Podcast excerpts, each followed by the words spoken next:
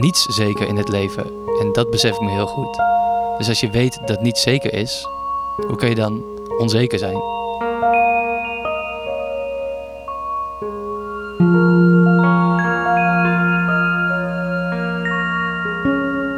Lieve luisteraars, je luistert naar de Rhizoom Podcast, aflevering 7.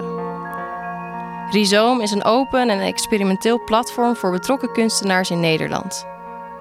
We interviewen elke week de kunstenaar die op dat moment een Rhizoom takeover doet. Normaliter horen jullie een andere stem.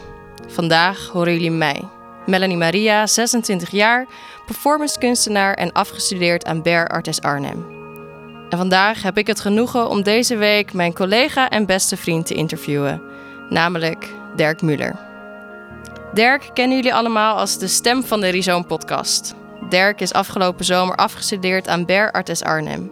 Hij maakt sculpturen van dagelijkse materialen en een dosis humor. We spreken Dirk vandaag over geld, de grote kunstwereld en natuurlijk zijn geliefde Winterswijk. Hi.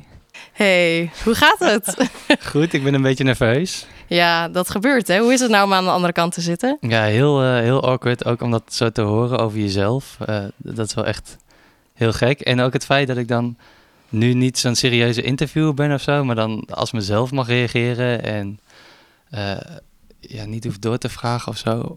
Ja. Dat is wel chill. Nou, dat. ik leef helemaal met je mee. Maar nou, ik vind het in ieder geval hartstikke leuk om vandaag hier te zijn. En, uh, maar klopt het een beetje? Ik heb je heel kort geïntroduceerd. Uh, heb je nog wat aan toe te voegen? Nee, het klopt, klopt helemaal. Ik word altijd een beetje emotioneel als het dan over mezelf gaat. Dat is dan super real of zo. Dat ik dan opeens hoor van, wow, dit gaat echt over mij. Alleen het woord jou al, of alleen het woord Dirk Muller al, dat komt... Ik weet niet hoe dat werkt, maar dat is toch heel gek of zo, als, hoe dat binnenkomt. Is dat dan ook in je werk zo? Als in, je beschrijft, hè, ik hoor Dirk Muller en um, nou ja, ik ken jou goed, dus ik, ik weet een beetje dat jij zelf ook vaak centraal staat eigenlijk in je werk. Um, maar hoe zie jij dat? Ja, dat is dus denk ik ook wat, uh, wat het gekke is, dat het in mijn werk ben ik misschien eens mezelf. Of zo, daar gaat mijn werk natuurlijk ook over, dat, dat niks zeker is. Um, uh, en, veel mensen zien mijn werk en die denken dan dat ik dat ben. Uh, maar dat ben ik natuurlijk helemaal niet. Dat is iets wat ik maak en wat ik doe. En als je dan praat over mij als persoon of zo, dan, ja, weet niet, dan komt er toch een hele andere Dirk, denk ik, naar voren dan, dan de Dirk die kunst maakt en hoe je jezelf profileert in deze wereld of zo. Oké, interessant. Ik, uh, je raakt al wat dingen aan die ik straks met je wil bespreken. Maar ik wil eerst even een paar stappen terug. Namelijk, uh, wij hebben allebei op uh, Bear Atters Arnhem gezeten. Dat klopt. kan je kort beschrijven, hoe was je ervaring, de kunstacademie? Hoe ben je daar zo beland?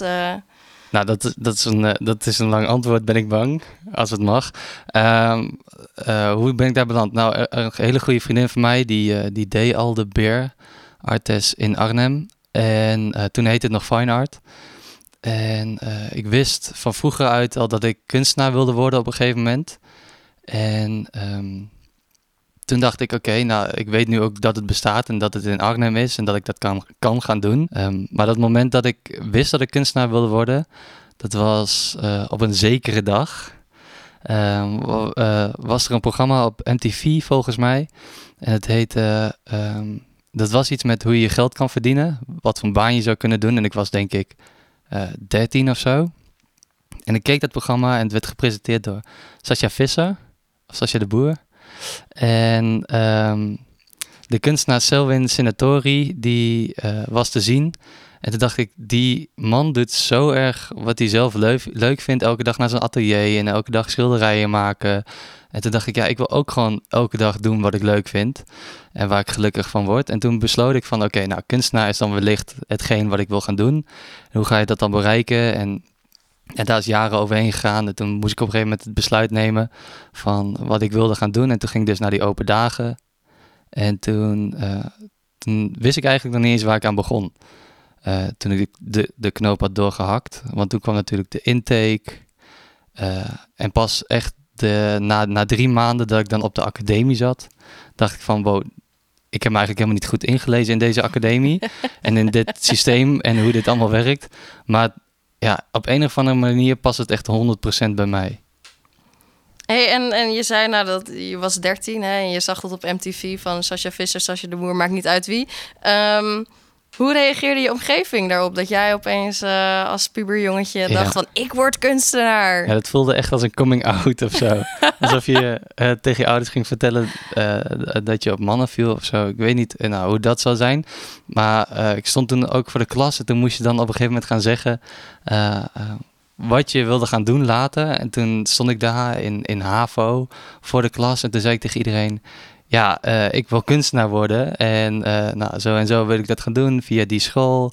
En toen klonk het heel zelfzeker, zelf, zelfverzekerd. En uh, ja, toen, toen was het eigenlijk uit. En de omgeving wist, dat, ja, nu ga ik dus echt praten alsof het een soort van coming out is. Maar de, ja, mijn omgeving wist dat natuurlijk altijd al. je, ja. je bent denk ik ook gewoon kunstenaar. Ja, cool, cool. En wat is een hoogtepunt uit je academietijd? ik denk dat dat ook de eerste filosofieles was die we kregen. Dus je kreeg dan één, één dag in de week, één middag in de week, een filosofieles in het eerste jaar. En die eerste les werd toen gevraagd waarom je de academie bent gaan doen of zoiets. Of wat filosofie voor jou betekende. En er kwamen al zoveel vragen die ik mijn hele leven al had, eigenlijk aan de orde. Dat ik dacht, worden deze vragen nou allemaal straks beantwoord op deze academie? Dat was wel echt echt een hoogtepunt. Daar kreeg ik zoveel energie van. En uh, nu weet ik natuurlijk hoe dat werkt. En, en, dat die vragen nooit beantwoord zullen worden. Maar ik wist wel daardoor dat ik op de goede plek was. En uh, nou, dat was wel een ander hoogtepunt, kan ik me niet, niet bedenken. Ik denk het afstuderen. Cool. Uh, en je werk. Kan je wat over je werk vertellen? Nou, ik maak dus sculpturen. En um, de ene keer is dat een groot sculptuur en de andere keer een, een klein en fragiel sculptuur. Een groot sculptuur wat ik ooit heb gemaakt in, in Hemmen was een, een canvas onder een bank. Die heb ik ook gedeeld op de Instagram. En um, nou, dat was dus niet echt een fragiel werk of zo. Dat was dus best groot en robuust. En um, nou, en bijvoorbeeld een ander klein werk is dan de, de love, de bananenschillen. Dus dat zijn vier gedroogde bananenschillen waarin je het woord uh, love kan lezen. Dus dat zijn vier onafhankelijke letters van elkaar. En die vormen het woord love. En zo ziet het eruit. En dat vind ik altijd wel moeilijk, uh, omdat ik het gevoel heb dat een mens toch echt moet zien om mijn kunst ook echt te begrijpen. En dan bedoel ik ook en het echt te zien. Ja, ik heb dus ook altijd het gevoel dat, dat de toeschouwer ook een materiaal is waarmee ik werk. Um, ik probeer soms de toeschouwer een beetje in te schatten. En mij is vaak gezegd, ja, dat moet je niet doen. En ik denk ook dat dat niet goed lukt en dat dat ook niet werkt als je dat doet. Maar ik ben er wel heel erg bewust van dat een werk nog beter kan worden als er een toeschouwer bij staat. Dat klinkt een beetje vaag. Sommige werken die blijven gewoon goed. Bijvoorbeeld de schilderij, daar verandert niks aan. Althans, er verandert niet zo snel iets aan als er geen toeschouwer is. Um, maar als je bijvoorbeeld bij mijn werk een toeschouwer ervoor zet en die staat heel lang te staren naar iets wat eigenlijk heel dagelijks lijkt, dan heb je een tweede beeld wat heel gek is. Dus je ziet en het kunstwerk en je ziet een mens die naar een dagelijks object kijkt, wat eigenlijk ook weer een kunstwerk is. Het deed mij een beetje denken, even heel letterlijk, aan uh, je fotobordwerk. Uh, ja, dat werk heeft onlangs nog gestaan uh, bij Willem II. En uh, daar werd ook goed gebruik gemaakt van het werk. Want het is meer een. En dat, is, dat werk moet echt toegepast worden, denk ik. Uh, dat, in de andere werken is dat toegepaste niet echt van belang. Maar bij het fotobord zie je dus eigenlijk nou, een fotobord zonder foto. Dus een bord wat je bij attractieparken ziet staan of bij hele mooie plaatsen, uh, bovenop een berg of zo, heb je dus een bord staan waar je dan je hoofd door kan doen, door een gat. En aan de, aan de voorkant van het werk zie je dus een foto waar jouw hoofd doorkomt. En daar kan je dan weer een foto van maken. Um, en dat is het werk. En uh, wat ik dus heb gedaan is die foto weggehaald, waardoor je eigenlijk op een plaats staat en daar weer een hele gekke houding aanneemt. Uh, want ik heb dan de foto vervangen door een doorzichtig zeil en daar gaten in gemaakt. Dus je bent nog steeds uh, verplicht om eigenlijk je hoofd door dat gat te steken. En eh, daar dan weer een foto van te maken. Dus je ziet nu hoe gek je eigenlijk op de foto staat, altijd. Ik weet niet of dat duidelijk is. Ja, ja, ja. Nee, het mooie is dus dat dat is wat het is, zeg Ja. maar. Je hebt een frame, je hebt een doorzichtig cel, je hebt gaten en je hebt mensen die een beetje zo lullig staan. En eh, dat haakt ook een beetje in op een groot ja, onderdeel. Ik weet niet of dat een goed woord is, maar ja, grote fundering in ieder geval van je werk is humor. Ja, het is, ik, ik, ik wil het ook zeker geen, eh, geen hele grote naam geven, humor in mijn werk of zo. Maar ik ben heel bewust van, van het feit dat humor wel zeker in mijn werk zit. Ehm, maar het is gewoon de manier waarop ik kijk naar het leven. Of naar de dingen om mij heen. En, eh, en als dat humoristisch is voor iemand, dat betekent ongemak. Want humor staat voor mij gelijk aan ongemak. Eh, of, een, of een situatie die je niet kent en dan begin je te lachen of te grinniken. En eh, ja, dat ik daar toevallig dan mee werk of zo, het hoeft voor mij niet, zeg maar, voorop Nee, het te staan in dat het werk. jij bewust denkt, oh, dit werk moet humoristisch zijn. Een werk is nooit bedacht van ik wil nu grappig zijn en ik ga nu dit werk maken en dat ligt iedereen in de duik. Eh, dus ik zal nooit zeggen van ah, mijn werk is humoristisch of zo. Eh, als je humoristisch werk maakt, lijkt het heel veel op cabaret of zo. Je, je vertelt een verhaal en ook vaak een heel noodzakelijk verhaal, een, een, een dringend verhaal of iets. Iets waar iets gebeurt wat eh, voor de mensheid veel kan betekenen. En dan uiteindelijk conclusie is een grapje, dus iedereen lacht. En dat vind ik ook zo grappig of leuk aan cabaretiers, mooi aan cabaretiers, dat ze dat dus kunnen. Eh, afsluiten met een grapje en dan door naar het volgende verhaal. En, eh, en lijkt alsof iedereen dan met die grap ook verliest waar we het over hadden. Zo van, oh ja, haha, nou oké, let's go, daar gaan we weer. Ehm, en ja, ik weet niet precies hoe dat werkt. Ik vind het dus ook een heel vaag gegeven, want we lachen allemaal. Maar volgens mij weten we niet eens de helft over wat lachen eigenlijk is. Ja, daar haal ik ook veel inspiratie uit. Dat vind ik ook heel mooi om te kijken, omdat ik weet, inderdaad, die kritiek zit erin of zo. En dat haal ik ook echt uit. Ja, en dat het dan eindigt met een grapje of met, met een lach. En soms dan denk ik, wow, dit publiek wat er nu zit, dat lacht eigenlijk als een eh, kudde dier. Nou, een begint te lachen en de rest doet gewoon gezellig mee. En nou, bijvoorbeeld dat kan ook een gegeven zijn waar ik uiteindelijk een kunstwerk over maak. Want hoe eh, begin je dan als je een nieuw, hoe begin je een nieuw werk? Eh, ja, dat begint vaak eigenlijk uit ehm, ja, meer een gevoel van, een, van binnenuit. Dat ik denk, ja, dit materiaal of dit object, deze gebeurtenis, ja, dat blijft mij echt bij. En vaak probeer ik zo'n... eh, dat, dat was leuk, want ehm, met Ischa had ik dus een interview. En zij vertelde dat zij uit het dagelijks leven wel eens notities maakt in haar notitieboekje. En daar doet ze wel eens een tekening bij. En ik doe precies datzelfde, maar dan met fotografie en film. Dus ik pak mijn iPhone erbij en ik maak snel een filmpje of snel een foto. En als ik dan eh, een week later of een dag later, een uur later of een maand later, maakt niet veel uit. Als ik dat dan terugzie, die foto of die film, dan denk ik, oh ja, wacht, wat gebeurt er hier in dit filmpje of in deze foto? Eh, wat ik eigenlijk interessant vind. En dat kan dus bijvoorbeeld een kartonnen doos zijn die eh, op straat staat of zo. En dan neem ik dat, die gebeurtenis mee in mijn atelier en probeer ik materiaal te verzamelen. En als we nu over een voorbeeld over kartonnen dozen praten, dan koop ik dus heel veel kartonnen dozen als materiaal. En dan ga ik die ontleden. Dus, nou, dan heb ik dat dus in mijn atelier en dan ga ik dat ontleden, dus fysiek, maar ook in gedachten. Dus ehm, bijvoorbeeld zo'n kartonnen doos, waar heb ik dat ooit eerder gezien? Wat doen we er normaal mee? Dat zijn de vragen in mijn hoofd. Maar ook het materiaal. Dus eh, een kartonnen doos wordt opeens in stukken gesneden. Of alleen de letters die op de doos staan, die worden eruit gesneden. Ehm, en dan heb je dus letterlijk fysiek eh, het materiaal ontleed. En in gedachten is het al ont- ontleed. Dus je hebt eigenlijk niks meer om op te bouwen. Eh, en dan kan je opeens met die bouwstenen opnieuw iets gaan bouwen of opnieuw iets gaan maken. En eh, nou, dan ga ik dus bezig. En dat zijn meerdere fascinaties of meerdere gedachten die dan bij elkaar komen. En die scheppen dan een nieuw beeld. En ik denk dat dat een beetje mijn werkproces is. Eh, het, het verschilt ook per werk. Dus ik heb bijvoorbeeld een werk, dat zijn 14 klokken op een MDF-plaat. En die 14 klokken die geven één keer in de 12 uur het woord klok weer. En dat werk heb ik ooit gewoon bedacht. Eh, daar heb ik, dan zag ik een klok en die was in mijn atelier.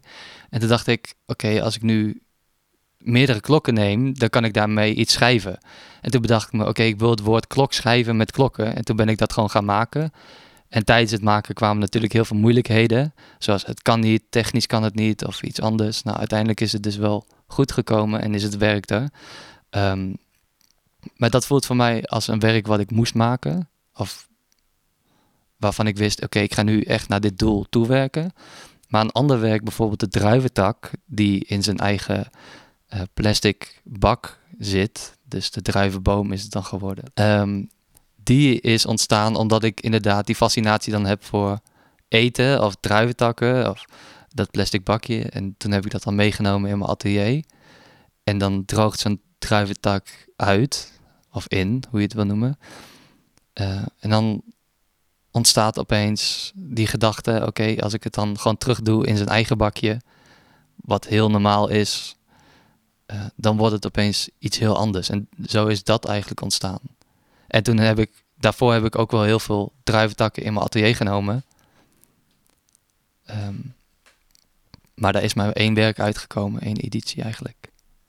Ik weet niet of dat helder is. Ja, zeker weten. En, en wat ik hoor is dat je inderdaad heel veel eigenlijk aan het afbreken en opbouwen bent. En ik vind het heel erg interessant. Ik weet niet of je dat zelf doorhebt, maar dat je heel vaak, dan neem ik het naar mijn studio, dan neem ik het naar mijn atelier. Dus het is heel erg.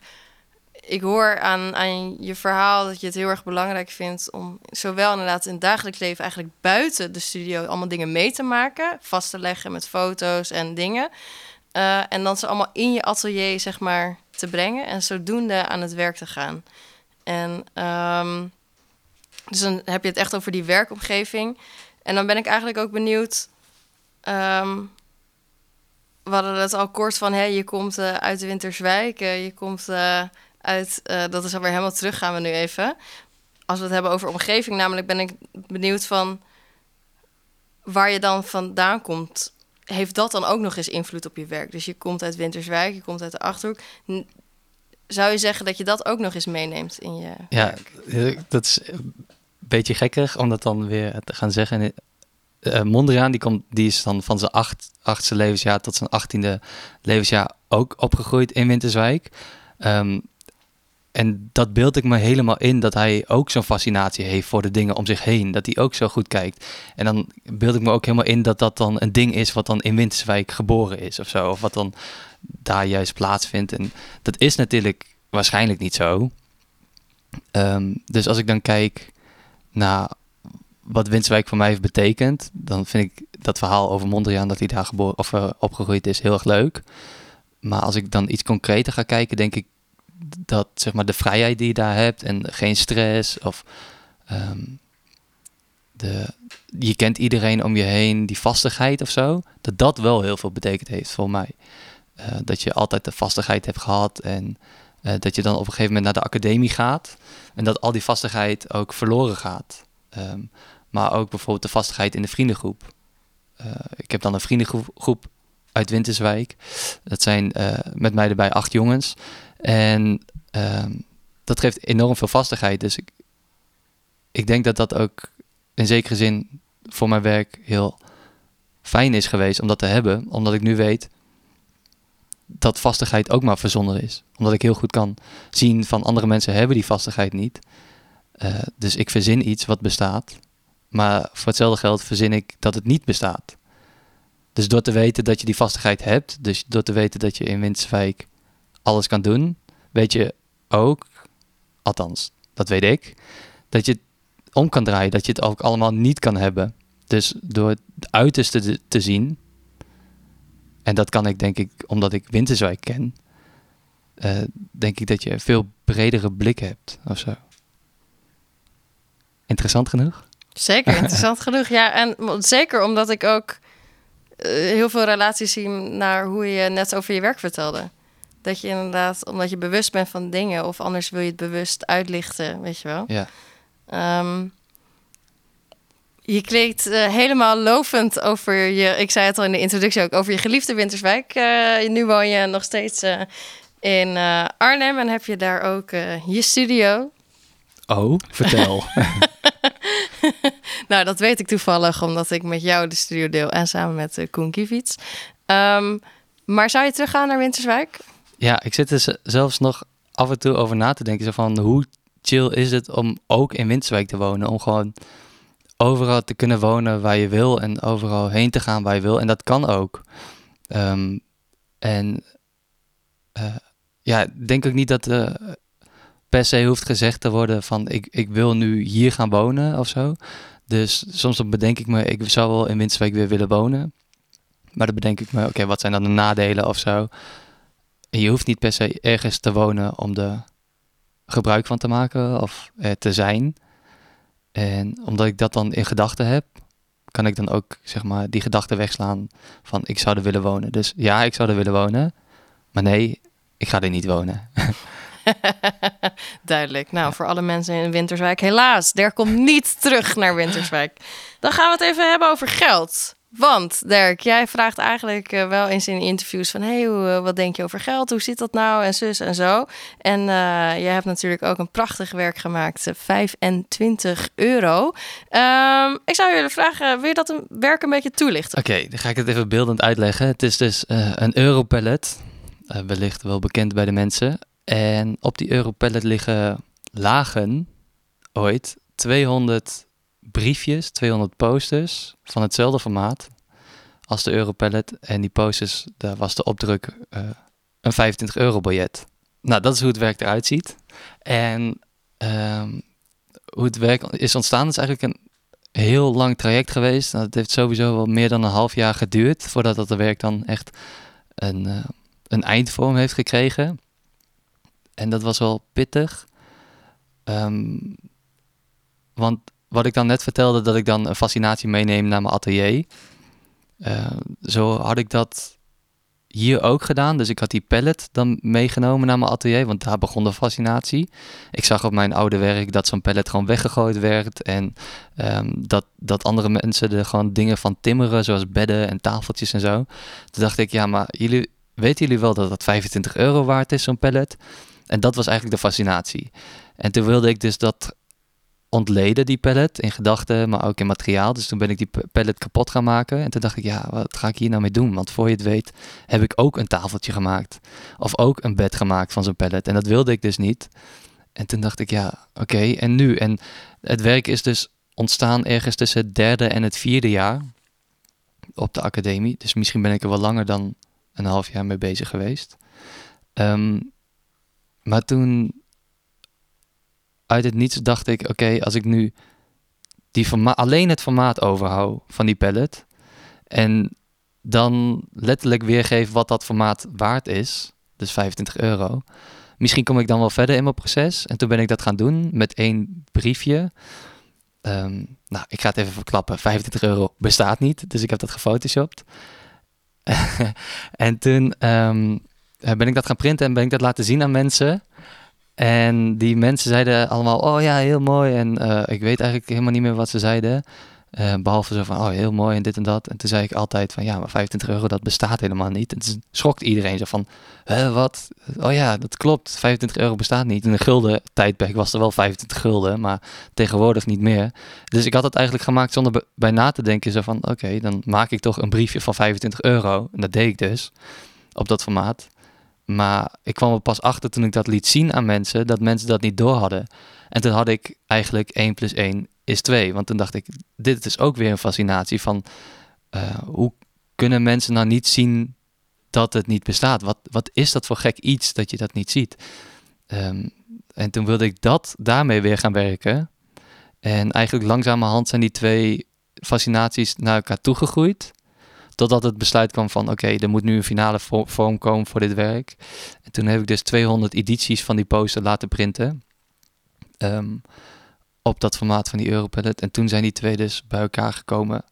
En het leuke, wat ik dan heel leuk vind aan het werk, is dan ook dat er iets buitenaf bij komt. Wat we ook allemaal kennen. Um, op een expositie dat iets verkocht wordt op een pallet. Dus je hebt een pallet liggen en daar, daar liggen boekjes op of zo. En die kan je dan kopen. En dat is dus bij dit werk ook. Die pallet, daar liggen dus die 25 euro posters op. En die posters zijn dan ook te koop voor 25 euro. Dus er zit superveel herhaling en dagelijks leven eigenlijk in dat werk. Wat in eerste instantie ook helemaal niet zichtbaar is. En dat vind ik dan weer gaaf aan het werk. En het lijkt, klinkt heel conceptueel. Uh, maar dat kan het ook wel zijn, eigenlijk. en jij verkoopt best wel veel werk. Zeg maar. Als in eh, je werk is verkoopbaar, zoals die 25 euro op die pallets. Ehm, kan je daar wat meer over vertellen? Hoe is dat op een gegeven moment? Is dat gewoon zomaar naar de academie gebeurd? Of, of... Ja, dat is wel echt gewoon mij overkomen, op. Zoals die, uh, die 25 euro biljetten. Uh, die zijn ook veel beter verkocht dan ik dacht. En uh, andere werken zijn ook veel beter verkocht dan ik dacht. Dus um, dat was wel echt één grote schok dat ik dacht, oh, mensen willen dit ook echt hebben. Um, ik hecht daar zoveel waarde aan. Maar dan heb ik alleen maar gekeken naar mezelf. Zo van, ik hecht daar waarde aan. En Waarom dan? Waarom hecht je daar waarde aan? Ja, ik, ik maak het niet van niets. Er zit echt een noodzaak achter. En daarom wil ik het ook niet graag humor noemen. Omdat ik maak niet een grapje. Nee, ik maak echt iets omdat ik wil bewijzen misschien wel wat wij wel niet allemaal kunnen. Of wat we allemaal wel niet kunnen. Um, en, en daar had ik helemaal niet door. Zo van, oh ja, kunst kan je ook gewoon echt verkopen. Ik heb het wel een paar keer geprobeerd op de academie. En een aantal dingen zijn toen ook verkocht. Maar um, nooit rekening mee gehouden van na de academie zou je eventueel ook nog wel rond kunnen komen van het verkopen van werk. Nu moet ik ook zeggen dat ik ook niet heel veel geld uitgeef op dit moment. Dus dan kan je ook makkelijker rondkomen. Maar ja, nog steeds worden de dingen verkocht. Is wel chill. Ja, en wat je dan ook um, doet, weet je wel, je hebt inderdaad een versie van het werk, maar je maakt ook meerdere versies. Ja, ik maak werk. dus meerdere edities soms van werk, alleen maar bij het werk waar het bij kan. Zoals de poster, dat is dan de 25 euro poster, dat is een editie van 200. Ik vind dat echt heel goed werken bij het werk, want uh, daar gebruik ik een regel die er al is. Uh, de normale regel bij briefjes geld is je maakt een oplage en je mag niet zomaar meer bijdrukken. En dat heb ik nu ook gedaan bij mijn eigen briefgeld. Ik maak een oplage en dan ga ik niet zomaar wat bijdrukken. Um, en een werk wat echt niet in oplagen kan, is bijvoorbeeld de druiventak of de druivenboom. Die, dat is echt een unicum. Die kan niet zomaar worden bijgemaakt, omdat juist die druiventak zo erg op een boom lijkt. Um, een ander werk wat ik wel um, in, in oplagen maak, of ongelimiteerde oplagen zelfs, zijn de spraycans. Die heb ik ook gedeeld. Dat zijn de bierblikken die lijken op graffitibussen. Of andersom, graffitibussen die lijken op bierblikken. Um, en die maak ik dus nog altijd. Dus daar ben ik in 2018 mee begonnen om te maken. En dat vind ik gewoon enorm leuk om te doen. En mensen vinden die ook heel leuk om te zien en te hebben. Dus dan vind ik het ook heel leuk om die dan te maken. Maar dat wordt dan ook niet verkocht voor heel veel geld. Je hebt het over toegankelijkheid, zeg maar. Um, vind je dat ook uh, vind je dat belangrijk dat je werk toegankelijk is? Dat, dat mensen snel je werk kunnen bereiken en wellicht daardoor kunnen aankopen?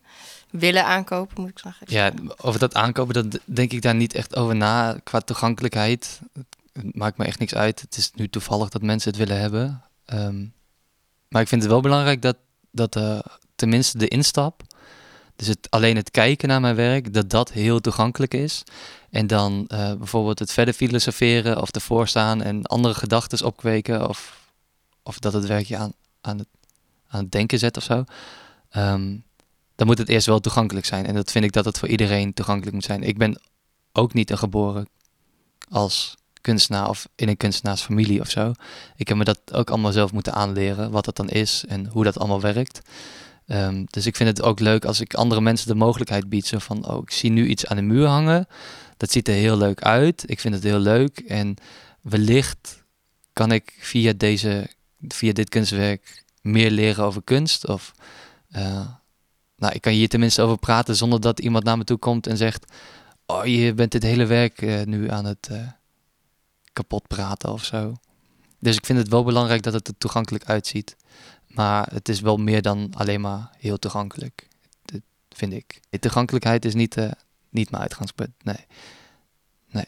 Nee, maar het, is, het wordt ook denk ik toegankelijk. Door, omdat ik dan dagelijkse materialen gebruik. Kan, je er ook niet omheen dat het dan heel toegankelijk wordt. Ik heb ook wel beelden waarvan mensen zeggen... Ja, ja, daar snap ik dus helemaal niks van. Is dit nou kunst? En dan denk ik, ja, je wil het niet eens proberen nu, op dit moment. Dan denk ik, ja, het ligt echt aan jou. Dan weten mensen zeker dat het niet aan mij ligt. Dat ze het niet snappen. Ik zat nog even te denken, ik had een vraag opgeschreven van... Uh, want je hebt als je heel plat zou denken, dagelijkse materialen, zeg maar, en dat je uh, meerdere versies van een werk maakt, dan zou je bijna komen op massaproductie. Ja. Zie je ook zo eh, dit proces nu, waar je nu, want dat is eigenlijk een beetje na de academie tot stand gekomen, hè? dat je echt meerdere versies van een werk bent gaan maken. Zou je jezelf nu als soort massaproductie uh, kunstenaar zien? Ja, ik vroeg die vraag ook aan uh, Desta, was het? Ja, aan Desta Matla. Uh, zij had dan beelden, gedichten in een epoxyhars.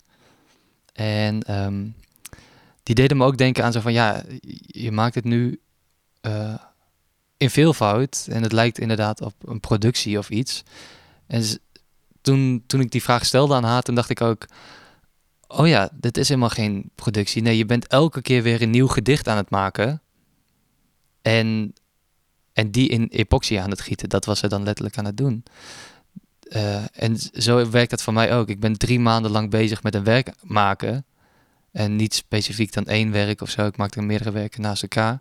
Maar als je dan even gaat berekenen wat je voor een werk aan tijd kwijt, bent dan denk ik wel dat het het waard is om het nog een keer te maken. Als ik weet dat het makkelijk nog een keer gemaakt kan worden.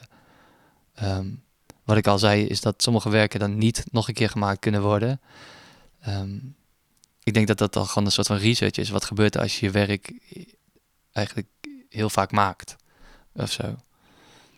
Ik vind het wel leuk dat het mijn werk bijvoorbeeld en bij de mensen is kan hangen, maar ook bij mijn ooms thuis. En maar ook uh, weet ik veel, op mijn oude basisschool of zo. Dat lijkt me gewoon te gek. Ik vind het wel leuk als mijn werk op meerdere plaatsen mag hangen. En dat kan alleen maar als het werk er ook meerdere keren is. Dan is het eigenlijk heel praktisch om het nog een keer te maken. Ja, ik vind het zelf ook interessant, want ik maak nooit reproducties van een werk, zeg maar. Echt nooit. Dus daarom vind ik dat gegeven gewoon heel erg interessant. Ja, ik vind het ook echt als gegeven heel interessant. Ja. En, en ik vind ook niet dat een product per se meteen kunst is ik gebruik wel producten om mijn kunst te maken, maar mijn kunst is geen product. En ik, het is leuk om te spelen met die scheidslijn, dus een beetje te balanceren daarop. Uh, en dat doe ik dus voor mijn gevoel nu ook wel een heel klein beetje. Uh, want er zijn ook, ik geloof ook dat er mensen zijn die zeggen van ja, dat kan echt niet dat je vijf keer hetzelfde werk maakt. Nou, ik heb het gedaan, het kan echt. um, maar uh, dat is dan inderdaad alleen maar om die praktische reden dat het dan op meerdere plekken kan hangen. En niet omdat ik zo graag dat werk vijf keer wil verkopen of zo. Ik moest ook denken aan dat jij mij vroeg van... hey, goh Mel, wil jij mij interviewen? Ik zeg, ja, tuurlijk Dirk, tuurlijk wil ik jou interviewen.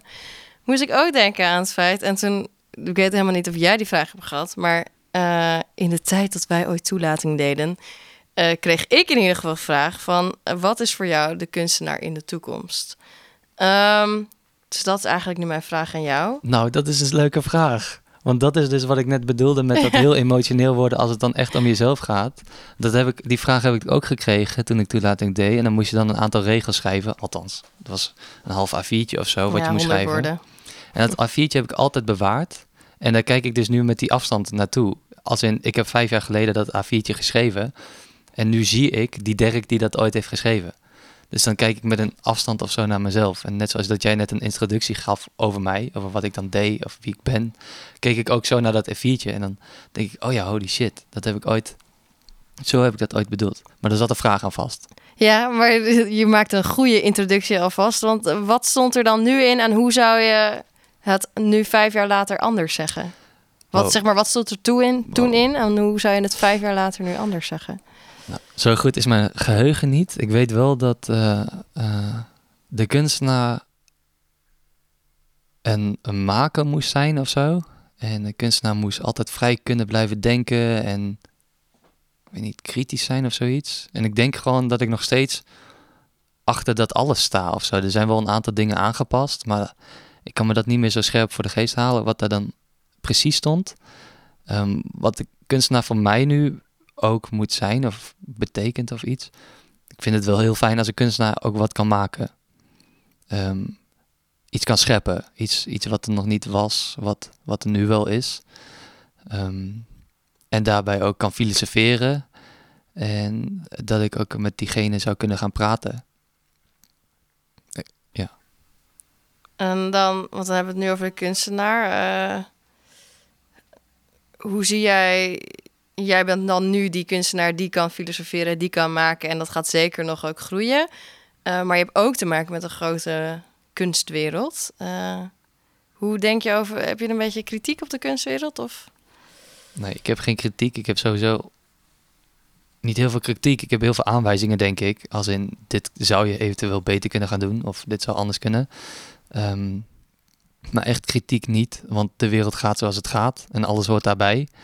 Um, iemand als Damien Hirst, die uh, heel veel geld vraagt natuurlijk voor zijn werk. En daarmee heel, heel rijk is geworden. Ja, die zet ook gewoon een toon. En die doet ook, draagt ook bij aan de kunstwereld zoals het is. Ja, en ik doe dat nu als beginnend kunstenaar. Ja, net zo. Ik zeg dat altijd om mensen een beetje te duiden of te laten zien wat de kunstwereld is. Althans, hoe ik het zie, is dat de kunstwereld net zo groot is als de normale wereld. Dus in de normale wereld hebben we Afrika, niet een heel rijk continent. En daar hebben we Europa, superrijk. En dat heb je in de kunstwereld ook. Je hebt, uh, en niet direct rijk en niet rijk, maar je hebt uh, de hobbyist, je hebt Damien Hirst, je hebt ons, je hebt mensen die het proberen te begrijpen, maar het niet begrijpen. Uh, je hebt zoveel lagen en als we daar aan beginnen, dan zijn we nog wel vijf jaar bezig met deze podcast, denk ik. Omdat, uh, Op zich heb ik de tijd. Nou, blijf nog even zitten dan zometeen. Koffie erbij. Ja. Het is zoals het is. Uh, je zegt het alsof je echt een, een heuse filosoof bent. Je sprak ook dat een van je, van je hoogtepunten, of eigenlijk het enige hoogtepunt wat je kon bedenken naast afstuderen, was de eerste filosofieles. Nou, uh, dank aan de docenten zou ik dan ook maar zeggen. En de, de, kleine Dirk Muller-Mondriaan uit Winterswijk, die kwam helemaal tot leven op die eerste filosofieles. Wat ik zeg, je zegt dat heel erg filosofisch. Ehm, en over het algemeen, uh, we gaan nu een beetje richting het einde van het interview. Maar als ik een beetje terugdenk, heb je dingen vrij, weet je wel, alles werkte gewoon en anders liep lekker, et cetera. Uh, en dat is een beetje een bruggetje naar een Instagram-vraag die we hebben gehad. uh, namelijk de vraag van, ben je ook wel eens onzeker, Dirk? Ben ik wel eens onzeker? Um, nou, het leuke is, ik zag deze vraag ook staan, want ik heb die vraag zelf gesteld op Instagram. Um, dus toen begon ik al na te denken. En uh, tijdens dat nadenken speelde ik ook een spelletje. Want dat doe ik dus ook op mijn uh, laptop. En toen dacht ik, onzekerheid, wat, wat betekent dat nou? Dus ik begon dat eigenlijk ook weer te ontleden. Um, en toen dacht ik, ja, sommige mensen kennen onzekerheid als... Uh, gek gevoel of zo, maar wat betekent voor mij onzekerheid? En toen dacht ik, ja, maar volgens mij is mijn werk ook onzeker. Eh, ben ik niet zozeer als mens onzeker, maar is gewoon niet, niets zeker in het leven. En dat besef ik me heel goed. Dus als je weet dat niets zeker is, hoe kun je dan onzeker zijn? Ik wou bijna een tegeltje zetten. Ja, dus toen dacht ik, want in eerste instantie. Nee, maar je hebt helemaal gelijk. In eerste instantie wilde ik meteen reageren, ja, ik ben niet onzeker. Maar toen dacht ik, ja, dat vind ik een veel, veel te kort antwoord en niet onderbouwd.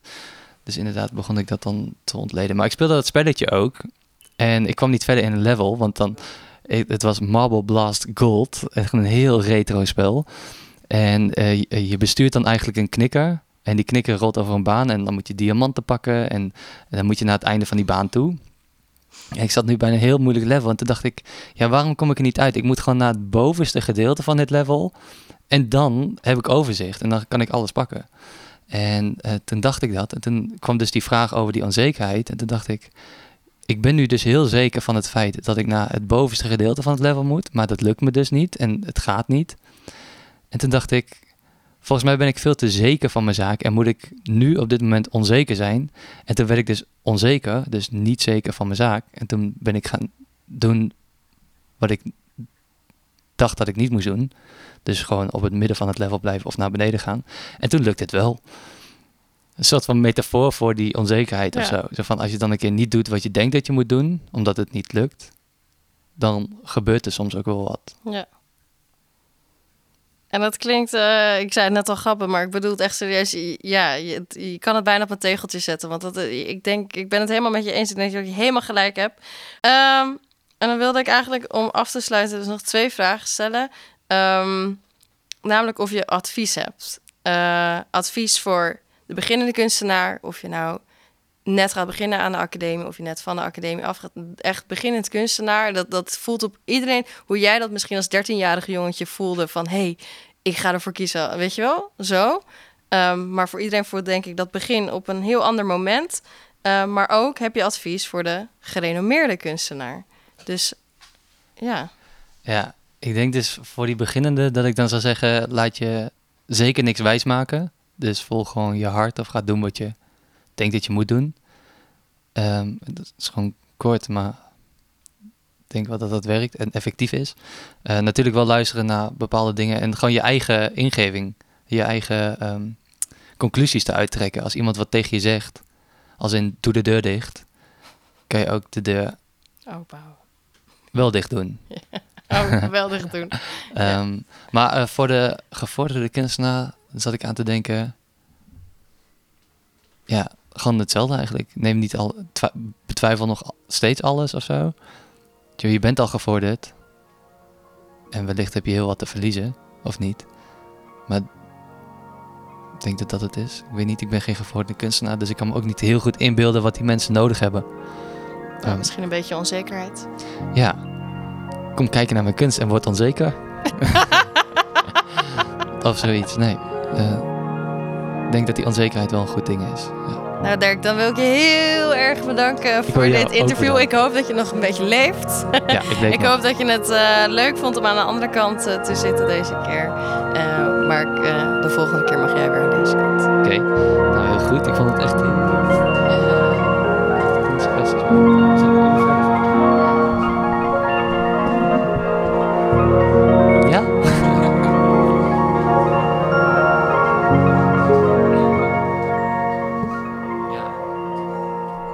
Aan deze aflevering werkte mee edit Roosmarijn Peperkamp, mixing Tim Visser en Joris Broekhoven en de muziek bij de intro en outro was van R. Benny.